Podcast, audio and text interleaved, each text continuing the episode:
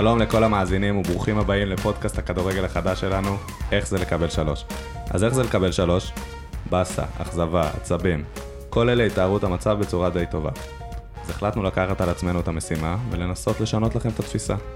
בכל פרק נדבר על שלושה נושאי תוכן מעולם הכדורגל. מטרה שלנו היא לייצר תוכן כדורגל שיוגבל לפרק זמן, שתוכלו לשמוע בנסיעה לעבודה, או אפילו עם הקפה של הבוקר, ועדיין להשאיר את השיח כמה שיותר ענייני ומשמעותי. כדי לעמוד במטרה, כל פרק יהיה באורך של כ-20 דקות. צידי עמית אמיר, מה שלומך עמית? בוקר טוב, גיא, שלומי מצוין, מה איתך? אני מעולה. נטע ירון, מה שלומך? בסדר גמור, גיא, בוקר טוב. והיום בפרק הראשון נדבר על שלושה רגעים שהכריעו שלוש אליפויות במחזורי הסיום מהעונה שחלפה. האלופה הראשונה שנדבר עליה היא המרגשת מכולן מבחינתי, חזרתה של האימפריה באדום שחור לקדמת הבמה של הכדורגל האיטלקי. הלו היא מילאן, עמית, דבר אליי. תראה, אז עוד לפני שנגיע לאותו הרגע, אני רוצה לדבר על העונה של מילאן רגע. הייתה הרגשה כלשהי בכדורגל שמילאן הייתה קבוצת הבת של כולם. הקבוצה השנייה של כל האוהדים הניטרליים או כאלה שפחות נמצאים סביב הליגה האיטלקית ביום יום שלהם. העונה, כן? כן, כן, כמובן. לא ציינת, העונה. כן, כמובן שאני מדבר על העונה הנוכחית אה, וכל הריצה של מילאן לאליפות.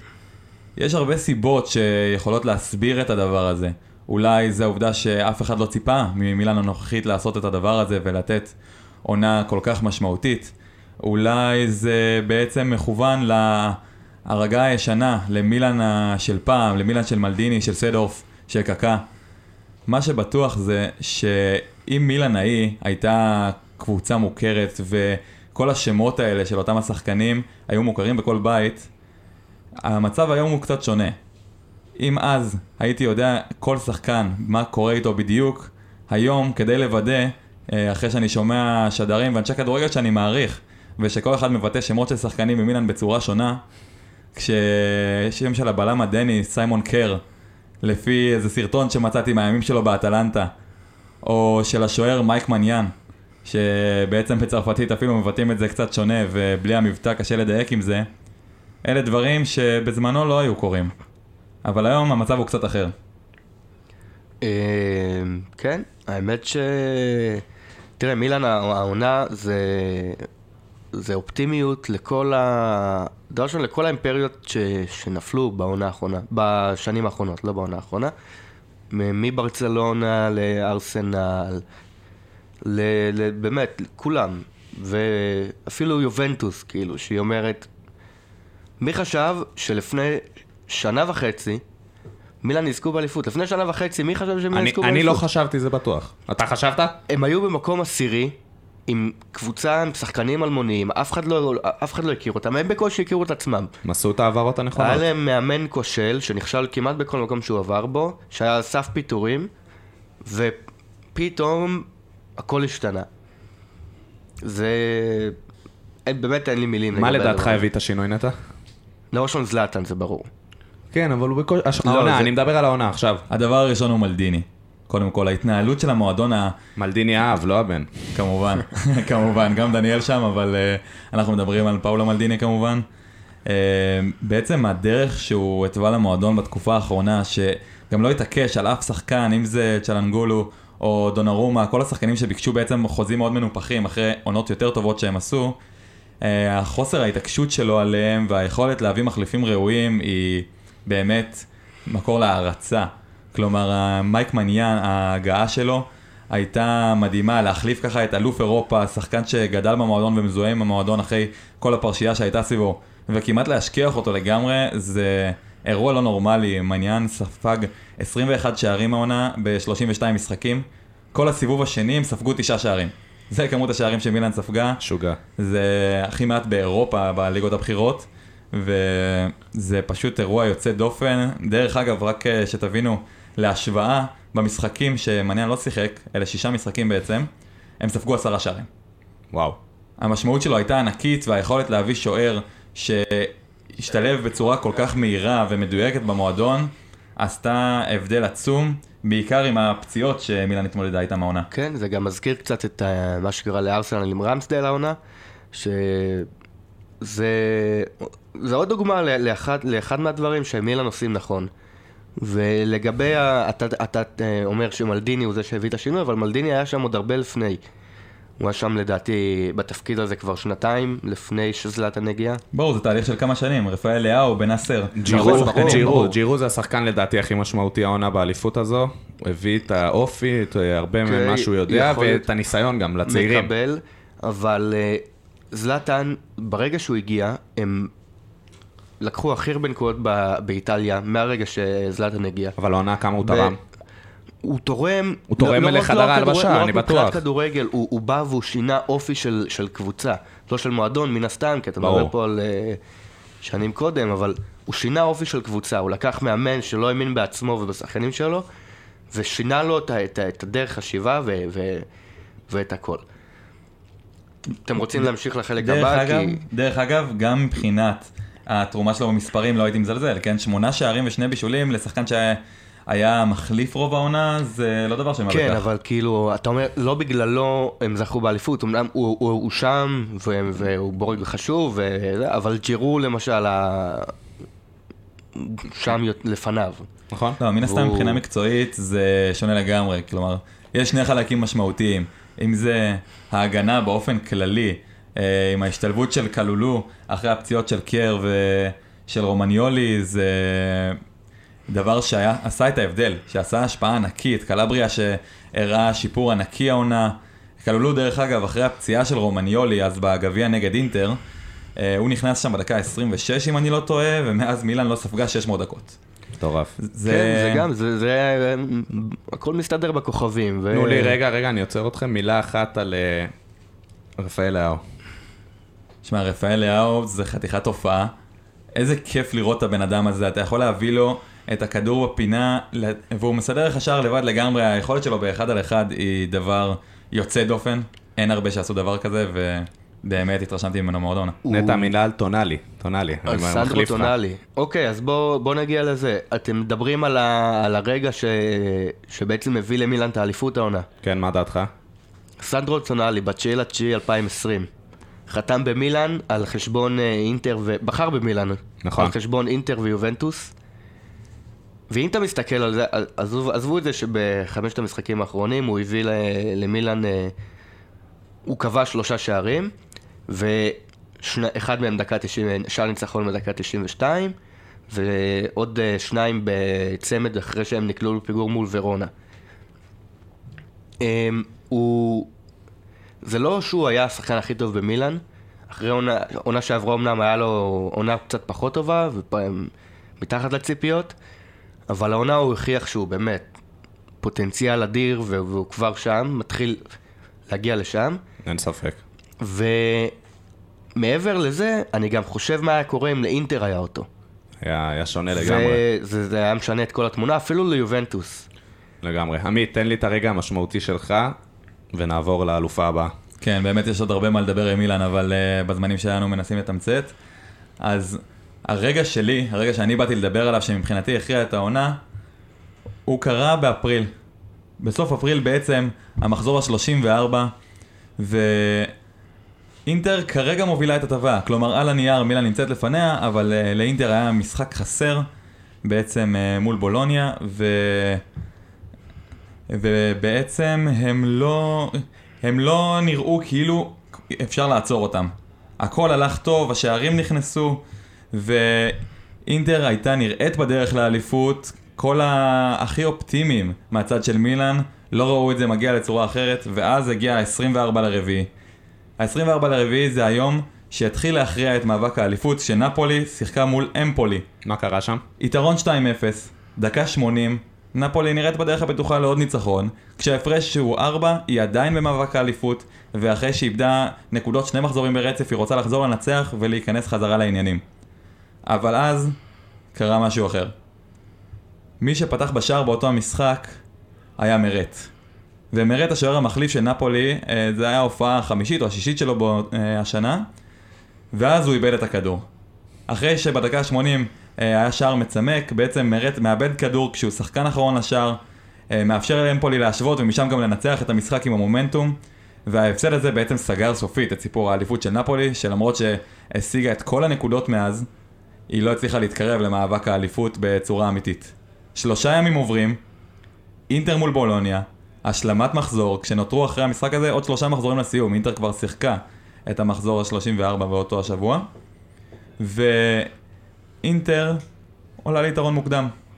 מה קורה אחרי זה? היה נראה שפרישיץ' מביא להם את הניצחון פעם נוספת, ארנאוטוביץ' הצליח להשוות, ואז שוב, אותה דקה, אותו אירוע, שוב שוער מחליף, רדו במשחק היחיד שלו השנה, היחיד שהוא שיחק בסריה היא השנה, והוא מאבד את הכדור, שחקן אחרון, שלושה ימים, שני שוערים, מילאן מקבל את היתרון ומשם היא לא הסתכלה שוב אחורה.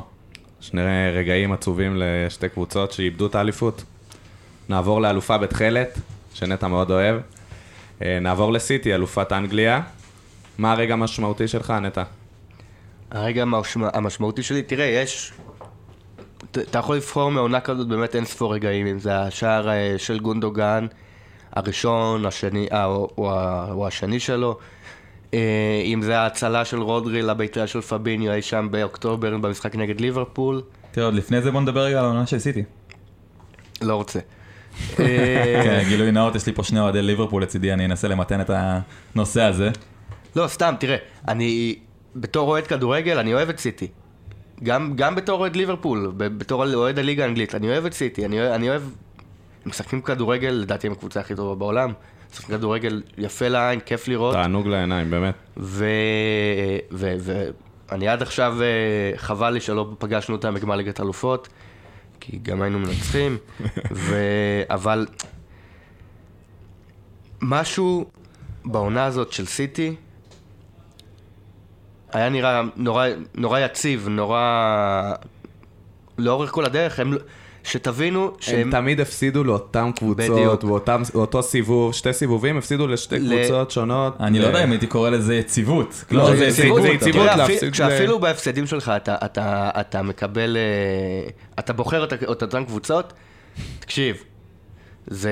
זה יכול רמה- להיות- זה רמה יכולת אחרת. מרשימה שגם לא, זה לא ליברפול, שליברפול איבדו נקודות בסיבוב השני, ליברפול איבדו 6 נקודות, מול טוטנאם, מול טוטנאם, צ'לסי וסיטי, בסיבוב השני. שזה כן? לגיטימי לגמרי. וליברפול ההפסדים היחידים של העונה הם מול לסטר ומול וסטאם. נכון? תראה, סיטי עשתה המון דברים מעניינים מהעונה. ההמצאה מחדש של קאנסלו כמובן, היא אחד הדברים המשמעותיים שקרו. אה, אם בסוף העונה המשמעות שלו אולי טיפה ירדה התקפית, אה, גם כי היו המון פציעות בהגנה והוא חלק מהזמן היה צריך לשחק כמגן ימני, שם הרבה יותר קשה לו לבוא לידי ביטוי. אה, הוא בעצם בחצי הראשון של העונה עשה השפעה ענקית, אפילו מעבר לחצי. הכניסות שלו פנימה והיכולת שלו לתרום לבניית ההתקפה, בעיקר בתקופות הקצת פחות טובות של דה בריינה בתקיפה- אה, בתחילת העונה, זה דברים מדהימים. זה בעצם שיפור אדיר, היכולת של רודרי העונה, הגיוון ההתקפי, זה... רודרי היה נהדר העונה. רודרי היה מעולה והוא underrated, ממש underrated. כן, כן, כי... הוא שלט בקישור, הביא קשר גולים אחורי- חשובים קשרים מאוד. אחוריים הם המון פעמים underrated ולא שמים לב אליהם, למרות שהוא הוא, הוא באמת, הוא מפגיע שערים, והוא לא... ראי- אתה זוכר את הגול שלו מול ארסנל? גול ש... כן, שהם גם, היו גם הגול בפיגור. שלו מול ארסנל, גם הוא נתן כמה פצצות מרחוק וואו. העונה של כאילו זה. דרך אגב, המשחק, המ- נדבר אחרי זה על המשחק מול ארסנל. כן, כן, האמת שגם לי היה משהו להגיע אחר כך אליו. אה, בכל מקרה, אותך. הבעיה של סיטי דרך אגב, אם כן צריך לשים את האצבע איפשהו, יש לה בעיה גדולה בהגנה. אה, מעבר לזה שפרננדינו שניסה לתופ- להיות מתופקד שם כמה פעמים זה לא בדיוק משהו שעבד טוב, כן, אבל זה היה סותם חורים לקראת סוף העונה, שכולם כבר היו ב...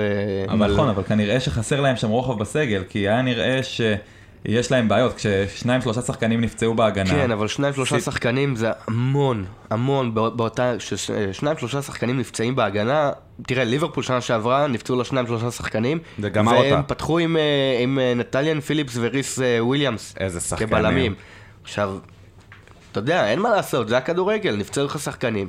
והם הצליחו, הם הצליחו, הם. הצליחו להתמודד עם זה, לא, זה, החיים, פציעות זה למדו מה איך ש... להתמודד לא עם ליברפול, זה. גם סיטי למדו להתמודדו, לקחו אליפות, הגיעו כן. לחצי גמר ליגת האלופות, ותמיד אה, הם, הם לא מצליחים כן, שם, כי זה... בסדר, אתה יודע. תראה, אבל קבוצות כמו סיטי, זו קבוצה שהיא מסוגלת להרשות לעצמה להחזיק סגל מספיק רחב בשחקנים.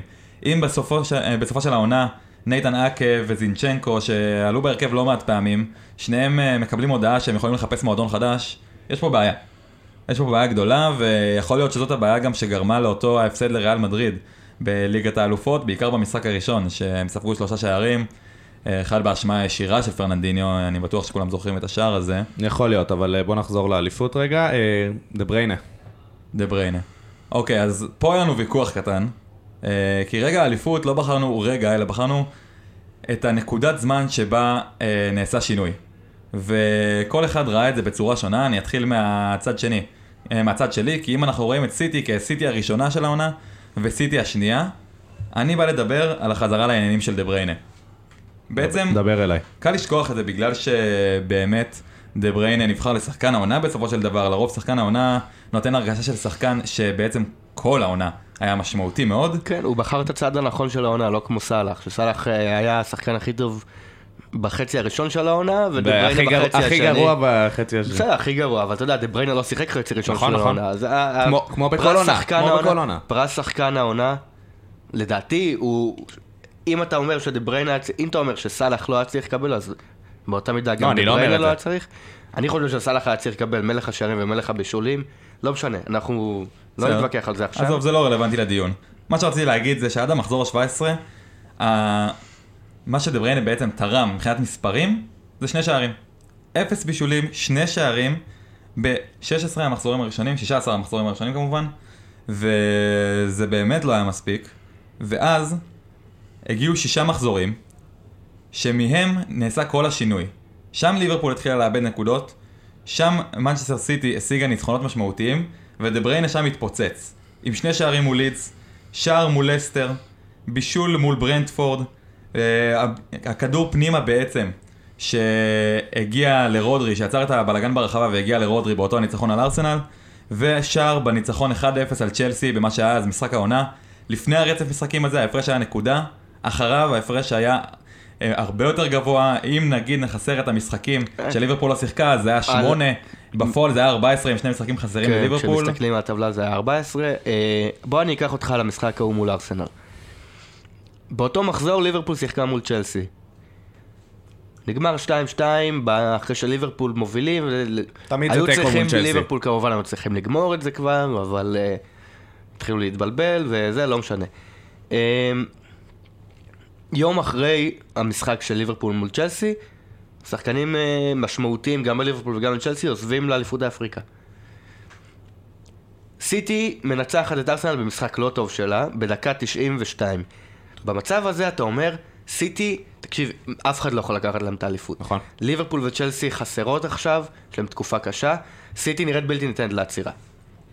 מה לדעתי הרגע שהביא את האליפות? הרגע, סליחה, למה אנחנו בעצם מדברים כרגע על מנצ'סטר סיטי כאלופה שזכתה במספר, אה, באליפות צמודה?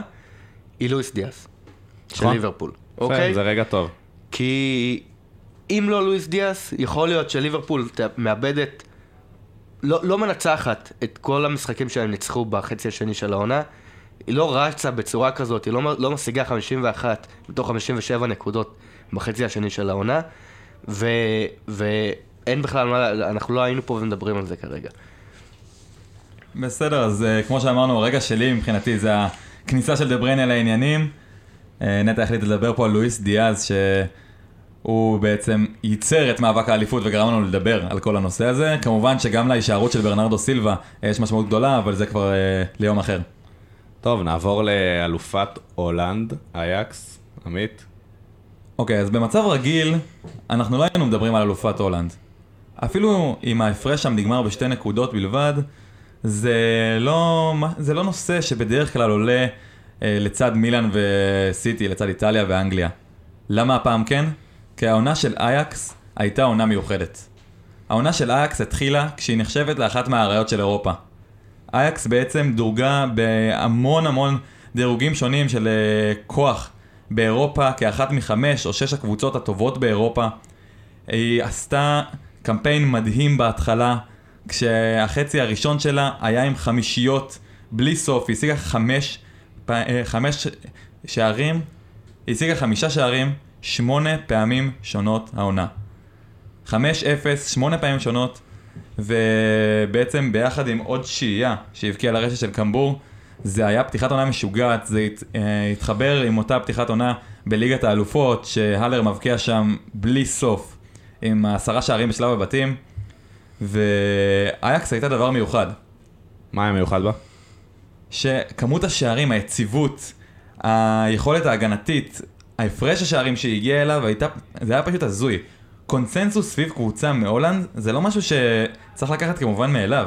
אם תיקח אותי ארבע שנים אחורה ל-2018, לפני אותה העונה עם uh, ואן דה ביק ודה יונג וכל כן, וכל העונה- החברים, העונה הראשונה של... אה, דליכט וכל אלה. העונה הראשונה של... העונת פריצה. של כן. הדור האחרון. מי היה חושב שזה בכלל הגיוני? אף אחד. בעולם של היום, של הכסף, וה... וכנראה שאף אחד, אבל תראה, הנה, ויאריאל הגיעו לחצי גמר ליגת אלופות. נכון. אייאקס הגיעו אז... האמת שזה קצת שונה מוויאריאל, כי ויאריאל הגיעו לגמר ליגת אלופות, לחצי גמר ליגת אלופות, בדרך שלה, דרך מיוחדת ויפה והכל, אבל אייאקס הייתה ב-2019 בכלל, top 3 קבוצות בעולם. כן, אין ספק. היה- אבל בוא- בוא נח- השנה- בוא נחזור לעונה שלהם עכשיו. נטע, רגע משמעותי שלך. קשה לי להגיד רגע משמעותי מסוים בעונה הזאת, היא פשוט, לדעתי אייאקס היא, היא קבוצה באמת, היא, היא top, היא, היא שני רמ, שתי רמות מעל, אה, מעל אה, הליגה ההולנדית, וזהבי, ואלי דסה, כל הישראלים שלנו שמשחקים שם, ו... עושים חיל. כן, לגמרי, ממש. ו... ופשוט, לדעתי זה, זה, זה הזוי. זה לא הזוי שאנחנו מדברים על אייקס כאלופה שלקחה. בפער של שתי נקודות. אז זה בדיוק מה שבאתי לדבר עליו. הרגע שמבחינתי הכריע את האליפות, הוא לא רגע בודד, אלא הוא רצף של שמונה משחקים שהגיעו בשלב שאייקס כבר לא הייתה אייקס לתחילת העונה. אם בתחילת העונה זה היה מגיע בחמישיות, וכל המשחקים היו נגמרים בשלב מאוד מאוד מוקדם, הגיע המחזור ה-23. ובעצם הכל השתנה. אייקס יצא לרצף של שבעה משחקים, של שמונה משחקים, שבעה מהם היא ניצחה, ואחד היא הפסידה. אם נתעלם מאותו ההפסד, את שבעת הניצחונות היא עשתה את כולם בהפרש של שער אחד, חוץ מניצחון אחד מול כרוניגן. מה קרה בשבעת הניצחונות האלה? כולם היו תצוגת ווינריות לא נורמלית, שבעצם הביאה לאייקס את האליפות, כי איבוד נקודות בכל אחד מהמשחקים האלה יכל לעשות את ההבדל, ובעצם מנע מזהבי להביא דאבל באמת היסטורי. אני עדיין חושב שזה בדיחה שאנחנו מדברים עליהם ככה. תקשיב, הם היו צריכים לזכות באליפות בלי ספוג שערים, להכניס 200 נכון, גולים. נכון, הם קבוצה הרבה יותר טובה גם מפיינורד וגם מפס ואיינדובן. זה... תקשיבו, להגיד שהיא יותר טובה זה בסדר. יש הרבה קבוצות שהיו פחות טובות ולקחו אליפות, ויש הרבה קבוצות שהיו מעל הליגה ולא לקחו אליפות. ופה המקרה היה קרוב. כי בשבעת המשחקים האלה היו תצוגות ווינריות אחד אחרי אחד. אלה המספרים, אני ארוץ את זה ב- ברגע. שער ניצחון דקה 81 ב-1-0 על, על וילם. 3-2 על ולביק, שער ניצחון דקה 90. 3-2 על קמבור, שער ניצחון דקה 92. 3-2 שהם ניצחו אותם על פיינור. 9-0. 9-0, נכון? 9-0 הרגע בסיבוב הראשון. על זה. 9-0 בסיבוב הראשון, נכון, את קמבור. תבין? איזה- דקה איזה 92. שינוי, איזה נפילה שינוי. מנטלית. תקשיבו, פיינורד, 3-2 מהפך ושער ניצחון דקה 86. כרוניגן, הם חזרו מפיגור 1-0 למהפך. ספרטה רוטרדם, פיגור 1-0 מהפך. ניימינכן, שער ניצחון 1-0 דקה 88. רצף הזוי של משחקים, תצוגות אופי משוגעות לגמרי, שגם אם הם לא הצליחו להביא את השערים ולהראות את הדומיננטיות שהייתה בתחילת העונה, כל אחד מהניצחונות האלה, שבעה ניצחונות ברצף, שהביאו אליפות, חד משמעית, חד וחלק, הביאו אליפות, כשההפרש הוא שתיים בלבד, זה מבחינתי העונה מתנקזת לרגע הזה. למרות זהבי. כן, וכאן אנחנו מסיימים את הפרק הראשון של איך זה לקבל שלוש. תודה רבה שהאזנתם, נתראה בהמשך.